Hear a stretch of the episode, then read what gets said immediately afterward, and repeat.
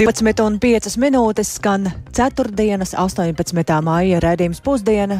Plašāk skaidrojot šīs dienas būtiskos notikumus, studijā Dāca Pēkšēna. Esiet sveicināti! Kur rast trūkstošo finansējumu veselības nozarē, lai varētu nodrošināt pašus nepieciešamākos veselības jomas pakalpojumus? Par to šodien diskutē Latvijas veselības un sociālās aprūpas darbinieku arotbiedrība, vairākas veselības nozares darbinieku un darba devēju organizācijas sarunā ar premjeru Krišjāni Kāriņu no jaunās vienotības. Un tam seko līdzi arī un tikšanās noslēgumu valdības mājā gaida kolēģis Jānis Kīncis un raidījuma gaitā mēs noteikti ar viņu par šo tematu sazināsimies. Bet šajā brīdī pievēršamies izglītības jomai un jautājumam, vai nākotnē būs skolotāji, kas māca. Šādu jautājumu liek uzdot aptaujas skolotāja balsts rezultāti. Otro gadu pēc kārtas izglītības uzņēmums Lielvārds apzina to, kā pedagogi jūtas savā profesijā, un ja vēl pērn sevi skolotāja profesijā arī pēc pieciem gadiem redzēja vairāk nekā puse aptaujāto, jeb 56%, tad šobrīd tie ir vairs tikai 40%, un skolotāji akcentē virkni problēmu jautājumu, un par to pirms brīža sarunājos arī ar uzņēmuma kompetences centra vadītāju Danu Narvaišu. Vispirms par to, kā tad dati ir mainījušies salīdzinājumā ar iepriekšējo gadu. Daudz vairāk skolotāji jūtas noguruši, nenovērtēti, mazāk redz sevi profesijā pēc pieciem gadiem, uzskata, ka profesijas prestižs ir arī krities, bet tā datu izmaiņa ir visai liela. Vidēji tā atšķirība ir pat 10, 15, 16 procenti, ka ir bijis šis kritums atbildēs. Kā tika ievākt šie dati, cik reprezentatīvi tie ir? Šajā gadā mums ir piedalījušies vairāk kā 960 skolotāji. Pagājušā gadā skaits bija lielāks, bija 1400, bet tas, kas ir ārkārtīgi svarīgi, ka mēs redzam, ka ir pārstāvēta visa Latvija, ir pārstāvēti gan visi vecumposmi, gan uh, dažādi darba stāži, ne tikai jauni un vecāki gadi gājumi skolotāji, bet arī no darba stāža jauni skolotāji un jau ar krietnu pieredzi. Tā kā tādā ziņā mēs varētu teikt, ka tiešām šis pētījums reprezentē ļoti plašu skolotāju loku kas, protams, vēl arī parādās, nu, kas iespējams arī ir ietekmējuši vēlmi piedalīties. Tad, kad jautājām par profesijas prestižu, skolotāji pamatoja, ka tas status sabiedrībai krities tieši Tādēļ, nu, kā mēs runājam par skolotāju profesiju, mēdījos, sabiedrībā, kā publiski apspriežam jā, skolotāju darba algas. Un nav stāsts par to, ka algas nav jāpalielina, un, un ir skolotāji novērtē, ka ir notiek šī cīņa, varētu teikt, par korektu un cieņpilnu atalgojumu. Bet vairāk tas, ko skolotāji norāda, nu, ka tas formāts, kā mēs mēdzam runāt par skolotājiem, par skolotāju darbu, tomēr rada sajūtu, ka tas nerada godu šim amatam. Proti tieši skolotāju prestižu vairāk ietekmē attieksme, ne tik daudz atalgojums. Jā, nu, atalgojums noteikti ir nozīmīgs faktors pie motivatoriem, bet tas, kas ir interesanti, mēs jautājām skolotājiem, kas tad skolotājs motivē. Pārliecinoši atbildi ir skolēni un arī aizrautība un, un, un, un patika pret savu mācību priekšmetu, bet kas demotivē. Otrajā vietā bija, protams, atalgojums, bet pirmajā vietā bija mācību resursu trūkums, kas demotivē. Bet tas bija vairāk pie demotivatoriem, tā kā mēs varam mēģināt vilkt paralēlus, tomēr vairāk tieši tajos komentāros Protams, cieņpilns atalgojums parādījās, bet bieži vien bija tieši tā attieksme, tika pieminēta vecāku attieksme, skolēnu attieksme, un skolēnu attieksme kopumā parādās vairākos jautājumos pie komentāriem, ka ir būtiski mainījusies skolēnu motivācija, tāda lielāka visatļautība, skolotāji lieto šādu vārdu, necieņa, necieņas izrādīšana un vecāka aizstāvība un kā skolēnu pusē. Un nav stāsts par to, ka vecākiem ir savs bērns jāaizstāv, bet nu, vairāk par to, ka neveidojas šī sadarbība. Tā kā jā, varētu teikt, ka drīzāk šī attieksmes lieta būtiskāk ietekmē arī to sajūtu par statusu. Un visbeidzot, ko ar šo visu iesākt, kā to situāciju uzlabot? Tas, kā mēs redzam šo situāciju pētījumā, nu, ka krīze ir jau sākusies, krīze notiek, un, protams, ka ir jāpalielina šis atalgojums, bet ļoti skaidri iezīmēs, ka ar to vien nepietiek, ir jākārtos nu, sistemātiski un sistēmiski uh, gan tie paši mācību līdzekļu trūkumi, sakārtot tās skolas, gan uh, skolotāji norāda, ka ir svarīgi, ka, protams, ir uh, arī mācību resursi pieejami, tad, tad nu, elementāri papīri un, un, un vispārējais, kas ir nepieciešams, lai mācību mācības nodrošinātu digitālās tehnoloģijas. Tas, kas mūs visvairāk satrauc, ka ir palielinājies to skolotāju skaits, kuri neredz sevi profesijā pēc pieciem gadiem. Bet katrs piektais nevien neredz, bet jau meklē darbu citā profesijā. Tā kā ir pēdējais brīdis kaut ko darīt, kaut ko mainīt. Un visaktīvāk darbu meklē skolotāji, kuru darba stāsts ir no 6 līdz 20 gadiem, kas nozīmē pieredzējuši skolotāji un tādi, kuriem vēl ir ko dot, vēl ir ilgs laiks ko veltīt izglītībai, tad šie ir tie skolotāji, kur meklē jau izēju ārā no izglītības sistēmas, lai strādātu citā jomā. Tā Lielvārds kompetences centra vadītāja Dana Narvēša par to, kā skolotāji jūtas, un uh, viņi jūtas ne nemotivēti, un iemesli ir saistīti gan ar nenovērtēšanu, lielo slodzi, un arī ar mācību līdzekļu trūkumu un zemo atalgojumu. Krievija aizvien turpina terorizēt Ukrainu no gaisa, uzbrukot valsts teritorijai ar raķetēm un droniem. Šāds uzbrukums īstenots arī šonakt, kad gaisa trauksme atskanēja visā Ukrainā. Tikmēr Krievijas okupētajā Krimā šorīt saspridzinātas dzelzceļa sliedas, līdz ar to noskrējis vilciens ar labību. Plašāk stāsta Rihards Plūme. Gaisa uzlidojumu trauksme Ukrainas teritorijā sāka skanēt šonakt pēc pulksteņa četriem. Tā skanēja visos apgabalos un daudz viet darbojusies pretgaisa aizsardzība. Iemesls tam bija Krievijas neaukārtējais raķešu un dronu uzbrukums. Šo uzbrukumu skaits pēdējo nedēļu laikā ievērojami pieaudzis. Ukrainas militāru personām gan izdodas notriekt lielāko daļu ienaidnieka mērķu, un tā tas notika arī šoreiz. Zināms, ka Krievija uz Ukrainu izšāvusi 30 spārnotās raķetes, no kurām 29 izdevies notriekt. Raķetes izšautas no uz zemes izvietotajām operatīvi taktiskajām raķešu sistēmām, no lidmašīnām un no kuģiem Melnajā jūrā. Naktī notriekti arī divi izlūkdroni un divi trieciena droni Šahed. Krievijai uzbrukumā izdevies trāpīt infrastruktūras objektā Hmeļņickas apgabalā, savukārt Odesas apgabalā raķete trāpījusi rūpniecības objektam Odesas nomalē un viens cilvēks nogalināts, bet divi ievainoti. Raķetes tika raidītas arī uz Kijivu. Pretgaisa aizsardzības spēku notriektu Krievijas raķešu atlūzas nogāzušās galvaspilsētā, izraisot ugunsgrēku, tomēr cietušo nav. Visas uz galvaspilsētu raidītās raķetes izdevies notriekt. Tikmēr prezidenta kancelējas vadītājs Andrijs Jermaks norādīja uz to, ka pastiprinās Krievijas īstenotās Ukrainas pierobežas apgabalu apšaudes. Pēc viņa teiktā tikai pēdējā nedēļā no 8. līdz 16. maijam Krievijas karaspēks 162 reizes apšaudīja Harkivas, Černihivas un Sumu apgabalu ar artilēriju un mīnmetējiem. Katrā no šiem apgabaliem šonadēļ gājuši bojā civiliedzīvotāji, un Jermaks skaidroja, ka likumsargi fiksē visus Krievu terora noziegumus pret civiliedzīvotājiem iedzīvotājiem Ukrainā. Ukrainas prezidents Valdemirs Zelenskis ikvakara uzrunā trešdien aicinājis pasauli palielināt spiedienu uz Krieviju saistībā ar tās pastiprinātajām apšaudēm. Šodien mūsu Hersonas apgabala Krievijas veiktā apšaude prasīja vēl viena bērna dzīvību zēna. Viņa vārds bija Vsevalots. Jūlijā viņam būtu palikuši seši gadi. Izsaku līdzjūtību ģimenei un draugiem. Tas bija kārtējais teroristu artilērijas uzbrukums.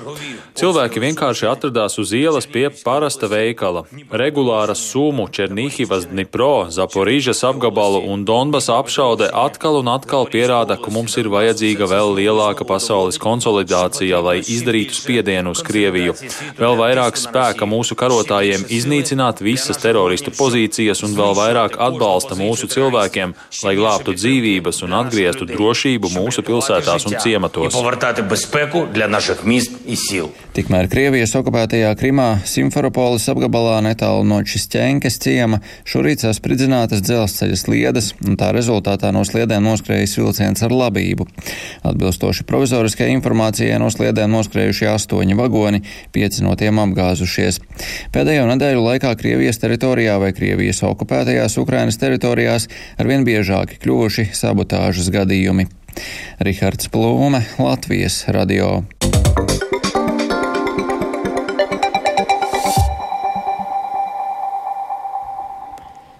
Slēgs vienu no senākajiem un zināmākajiem kurzemes zīmoliem Kuldīgas maizes ceptuvi. Tas nozīmē, ka jau nākamēnes no veikalu plauktiem pazudīs Kuldīgā ceptā maizi un vairāk nekā 60 darbinieku zaudēs darbu. Par uzņēmumu slēgšanu jau ir paziņots gan pašvaldībai, gan arī nodarbinātības valsts aģentūrai par kolektīvo atlaišanu. Un šobrīd ir zināms Šobrīd nav zināms, vai ražotni ir plānots pārdot, jo uzņēmuma īpašnieks plašāk notikušo Latvijas radio nekomentē un plašāk par to Inga Zozols reportāžā. Smaržo pēc maizītes, mēs jūtam pa gabalu jau. Žēl, žēl vienkārši. Ko jūs pērkat parasti? Nu, Salskāpju maizi, brūkmaizi, baltmaizi, visu. Jūs tepat arī dzīvojat un vienmēr nācāt te uz uzņēmumu veikaliņu. Es, es šeit nedzīvoju, es Ah. dzīvoju tālāk. Es Jūs pat speciāli braucat šeit maizītē bet, protams. Izvēle arī bija parasti jau bija. Mm. Paldies, labdien! Jūs arī pēc maizītes! Blakus uzņēmuma teritorijai ir veikals, kur vēl valda liela rosība, un cilvēki ik pa laikam vērtā durvis. Kāds piezvana pārdevējai, lai atliekot viņai kādu kukulīti. Emocijas pārņem sieviete, kur uzņēmumā strādājusi vairākas desmitgadus. Labdien! 40 gadus. Šeit nē, ražošanā. Šeit es tikai 5 gadus. Jūs bijāt maizes cepēji. Mēs mīcītājs brigadieris, limonādes cehu. brigadieris. Sāpīgi. Tā ir bijusi visu mūžu darba vieta jums. Vienīgā. Un tagad jūs pārdevāt maizīti veikaliņā, jā? Ja? Nu, tāpēc, ka veselības. Vēl tikai pirms dažiem gadiem Kuldīgas maizes ceptuve ieguva nomināciju gada ražotājs. Jau tad valdes loceklis Dāvids Štenbergs sacījis, citēju, ceptuve nav viegls uzņēmums, tas ir smags un riskants. Pats viņš strādājas uzņēmumā no 2007. gada, piebilstot, ka konkurence ir ļoti liela, izturēt to nav viegli. Arī darbinieks grūti noturēt, bet ir tādi, kas savu darbu un maizīti mīl. Tad uzņēmumā strādājuši ap 140 darbinieku. Pakāpeniski to skaits gan ir sārucis. Ar Latvijas radio uzņēmumu vadītājs telefona sarunā ir atturīgs un no plašākas intervijas atsakās. Viena piebilda, ka darbinieki ņēmuši slimības lapas, kas varētu būt saistīts ar pandēmijas laiku. Tas iemesls ir tā tās slimības lapas vai kā? Tas tev daudz iespēja visos uzņēmumos. Tas Bet kas vēl, teiksim, nezinu, nu, konkurence, laiks, kas vēl ietekmē? Konkurence, konkurence ir tāda, kāda viņi ir. Viņi ir un viņiem jābūt. Viņiem jābūt.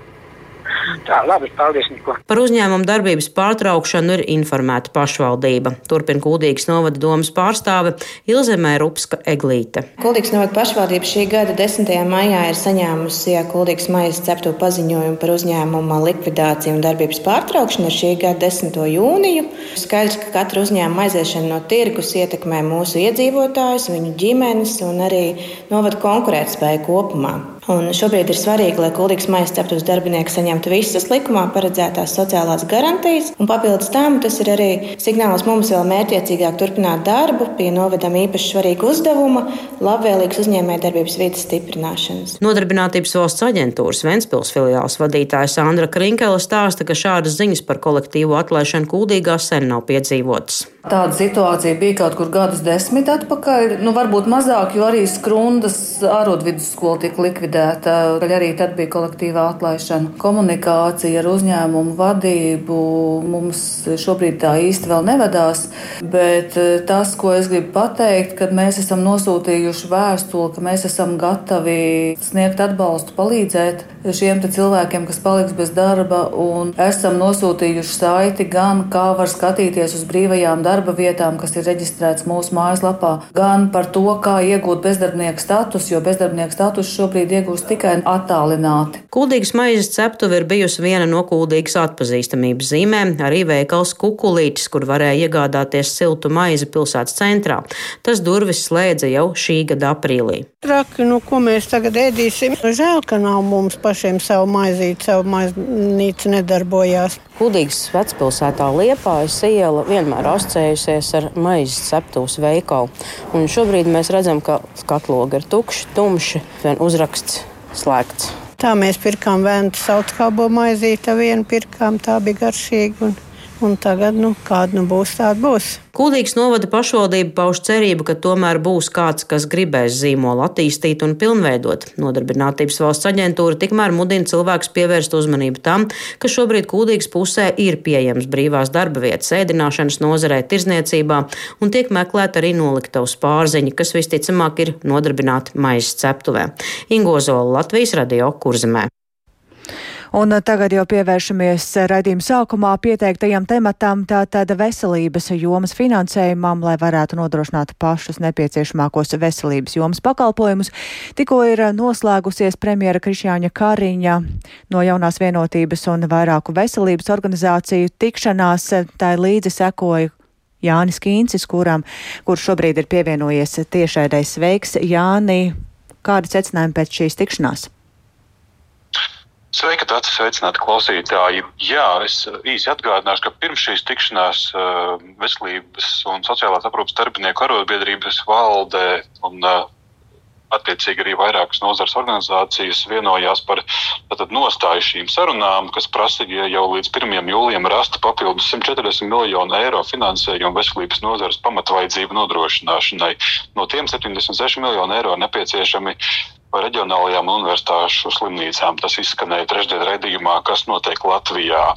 Un, Vēl viena prasība ir mazināt pieaugušos pacientu līdzmaksājumus un gaidīšanas rindas uz medicīnas pakalpojumiem, un to īpaši uzsvērušas pacientus pārstāvošās organizācijas, atgādinot, ka pie ārsta jātiek iespējami drīz, nevis piemēram pēc gada. Un, tā tad šīm diskusijām par problēmām veselības no, finansējuma problēmām veselības nozarē tādu eļļu ugunī pielējis arī premjeras partijas biedrs finanšu ministrs Arvils Ašerādens no jaunās vienotības, kurš uh, ir izteicies kritiski par veselības ministrijas spējām sagatavot reformas un uh, konkrētu visaptvarošu datu trūkumu. Un, tātad, pašlaik, lai risinātu šo finansējumu iztrūkumu, atbilstoši koalīcijas lēmumam, citu nozaru ministrijas gatavo priekšlikumus par papildu līdzekļu pārdali veselības nozarei. Un Finanšu ministrijā šie aprēķini, šie, šie plāni jāiesniedz līdz 26. maijam. Un, lūk, šīs sarunas rezultātā valdības vadītājs Krišāns Kariņš tad rēķinās tieši ar šo ministriju atsaucību spēju pārdalīt līdzekļus, jo šis 140 miljonu eiro rops pamatfunkciju nodrošināšanai līdz gada beigām ir jāizpild. Tiesa, viņš šajā situācijā rēķinās arī ar to, ka šis būs politiski ļoti sarežģīts process valdībā, un šīs diskusijas paredzēts, ka notiks jūnija otrajā pusē. Un arī jauno ārstu asociācijas vadītājs Artūrs Šilovs pēc šīs sarunas īsi komentēja, ka saruna, kurā piedalījās vairāk nekā desmit eh, veselības aprūpas nozaru pārstāvji, eh, saruna ar premjeru un ar finanšu ministru un veselības ministru ir bijusi konstruktīva, var sakot, visi šī problēmu loku aptver risinājumus, ātrus risinājumus. Tātad sagaida jau tuvāko nedēļu laikā par šo gadu, bet nu, nākamā, gada, nākamā gada uzdevumi par papildu finansējumu veselības nozarei atbilstoši šīm sabiedrības veselības pamatnostādnēm. Nu, tur jau būs runa arī par nodokļu pārmaiņām, kas nozīmē, ka diskusijas būs vēl daudz komplicētākas. Bet nu, jā, par šo gadu tā tad runa ir, ka ministrijas gatavo pārdalāmo līdzekļu iespējas, un attiecīgi valdība reaģē. Tas notiks jau jūn, jūnija otrajā vidū vai jūnija otrajā pusē, tā īsumā. Paldies Jānim Kīncim par šo sarunu izklāstu. Tātad būtisks sarunas vēl veselības jomā ir priekšā. Bet eh, mēs turpinām ar to, ka iedzīvotājiem būtu jāatsvaidzina zināšanas par depozītu sistēmā nododamo iepakojumu klāstu, un pie šāda secinājuma ir nonācis depozīta iepakojuma operators izpētot datus par nodoto un nenodoto iepakojumu. Un kā šorīt kolēģiem Martai Skujai un Laurim Zvejniekam programmā labrīt sacīja depozīta iepakojuma operators valdes priekšsādētājs Miks Stūrītis, kopumā depozīta iepakojumu iedzīvotāji nodod aktīvāk. Ja mēs salīdzinām ar pagājušo gadu, tad šobrīd maijā mēs apmēram esam tādā pat līmenī, kā bijām pērn jūlijā. Un jūlijas, protams, ir pats aktīvākais zērienu patērēšanas mēnesis un arī atgriešanas mēnesis. Un salīdzinājumā var teikt, ka māja sākumā nodeva tikpat daudz iepakojumu šogad, cik pērn tādā pašā aktīvākajā dienā, ja, nedēļā pēc jāņem, ja, nu, kad, kā zināms, dzērienu patēriņš ir īpaši augsts. Kādu iepakojumu nodod un kurš iepakojums nonāk atpakaļ jau mazākā skaitā? Pēc mūsu datiem lielā mērā to nosaka arī produkti, kādi ir iepakoti um, šajā dzērienu iepakojumā, konkrēti dzērieni. Vislabākie atgriešanas rādītāji ir alum, ūdeņiem un limonādēm. Acīm redzot, šie dzērieni vislabāk iesakņojušies cilvēku prātos, kā dzērieni, kur iepakojums ir depozīta sistēmā. Tur šis nodošanas rādītājs alum jau gadu pirmajos mēnešos ir jau virs 90%. Turpat daudz neatliek arī ūdens un uh, limonādes. Savukārt, tur, kur ir vismazākais rādītājs, ja tie ir piemēram smūtija, tāds varbūt neliela dzērienu grupa, tur atgriežas nedaudz zem 60%, tie 59%. Arī, piemēram, bezalkoholiskie vīni. Tur ir apmēram gada pirmajos četros mēnešos tie ir 50% atgriežušies atpakaļ. Tie ir jaunumi, kas ir nākuši klāt, jo ir paplašināts klāsts, kuru šķidrumu iepakojumus var nodot. Šie abi produkti nosauktie gan nav jaunā tvēruma priekšmets, bet uh, jaunais tvērums ir, vēlreiz atgādināšu, visa veida arī stiprie kokteļi, jo nu, līdz 1. janvārim tie bija kokteļi tikai līdz 6%. Šobrīd ir visi kokteļi, alkoholiskie. Tāpat tie arī ir visa veida alkoholiskie dzērieni, bet iepakojumā, metāla iepakojumā, proti arī stipri alkoholiskie dzērieni. Un vēl arī tāds papildus jaunums kā sīrups. Un šiem jaunajiem produktiem arī ir šis pārējais periods līdz 30. jūnijam. Tiesa gan šobrīd jau veikalu plauktos absolūti lielākā daļa šo produktu jau ir ar depozītu zīmēm. Nu, šis pārējais periods ir līdzīgs arī kā bija pērn. Tā depozīta iepakojuma operators valdes priekšsādātājs Miks Stūrītis. Un, ja ar depozīta iepakojumu savākšanu mums veicas salīdzinoši labi, tad, diemžēl, nekur uz priekšu netiekam ar bēdīgo statistiku noslīkušo skaita ziņā. Šogad Latvijā noslīgsto dzīvību ir zaudējuši jau vairāk nekā 40 cilvēku un pērn vairāk nekā 100. Ik gadu Latvijā noslīkušo skaits uz 100 tūkstošiem iedzīvotāju joprojām ir lielākais Eiropas Savienībā. Latvijas Peldēšanas federācija un biedrība Peldēt droši atkārtoti aicina steidzami meklēt risinājumus. Un šodien par drošību uz ūdens pulcējās sarunās arī atbildīgās ministrijas un peldēšanas eksperti diskusijai. Līdzi seko arī kolēģi Sintīna Ambota, kuru esam šajā brīdī sazvanījuši. Sveika, Sintīna! Sveika, Dārts! Sveicināti radio klausītāji! Nu, jā, papildinot varbūt par statistiku, ik gadu noslīkušo vidū ir arī bērni. Pēdējo piecu gadu laikā Latvijā noslīkuši 30 bērni vecumā līdz 14 gadiem, un vēl ap 30 bērniem ik sezonu palīdzību sniedz neatliekamās medicīniskās palīdzības darbinieki. Biedrība Paldīt droši ir izveidojusi šo melno punktu karti, kur kopumā atzīmēts ap 300 vietas visā Latvijā, kurās pēdējo trīs gadu laikā noslīkuši cilvēki, un te biedrība biedrības vadītājs Zana Gemze uzsver, ka tās vietas ir ļoti sadrumstalotas, proti tas var notikt jebkur, kur nav šie drošības pasākumi ievēroti. Cilvēku ūdenī dzīve zaudē alkohola skreibumā, alkohola skreibumā vai paškaitniecisku motīvu vadīti, kā arī, protams, vienkārši neprot peldēt vai vecākiem pietiekami nepieskatot bērnus. Te diskusijā runāja par to, ka pat labāk gan pietrūkst šīs uh, gadā kopumā simt noslīkušo slīkšanas iemeslu analīzes uh, un statistikas tādu datu. E, iepriekš līdzīga diskusija notikusi pirms četriem gadiem, kad e, drošas peldēšanas eksperti vērsa politiķu un ierēģu uzmanību lielajam noslīgšo skaitam. Tolēk arī Latvijas Peldēšanas federācija e, izstrādāja noslīgšanas mazināšanas stratēģiju līdz 24. gadam. Tā cits starpā paredzēja normatīvu uzlabošanu, lai peldvestas būtu obligāts visiem, proti arī pēc 13 gadu vecuma. Tāpat federācijas vadītājs Aivars Platonovs vērš uzmanību uz peldēt prasmes mācības attīstības skolās, kas joprojām ir nepietiekamā līmenī vai nenotiek nemaz infrastruktūras nepieejamības dēļ.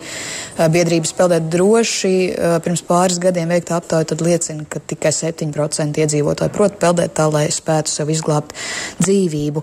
Savukārt ugunsdzēsības un glābšanas dienesta pārstāvis Jānis Grimbergs izcēla piekļuvas pie peldvietām problemātiku. Glābēji ļoti bieži nevar tikt pie peldvietām, jo tās var būt daudz viet pieejamas gājējiem, bet glābēji ar savu ekipējumu operatīvi tām netiek klāt un sekojoša palīdzības sniegšana iekavējas. Taču arī glābēji ieskatā uzsvars ir jāliek uz prevenciju. Tāpat situācijas uzlabošanā var iesaistīties tieši pašvaldības, sakārtojot peldvietas Un jau nedēļas sākumā arī mēs vēstījām, ka tikai 11 pludmales ieguvušas zilo karogu, kas arī peldēšanas ekspertu ieskatā tiešām atbilst visām drošības prasībām. Ūdens gultne ir attīrīta no kokiem, akmeņiem un tā nav aizaugusi, kā arī peldvietā ir glābējs. Te veselības inspekcija atgādināja, ka likums paredz, ka oficiālajās jūras un iekšzemes peldvietās, ja klātienē nav glābēji, tad ir jābūt informatīvai zīmē ar glābšanas dienas tālruni un aicinājumu īpaši uzmanīties uz ūdens, kā arī sargāt bērnu bērnus.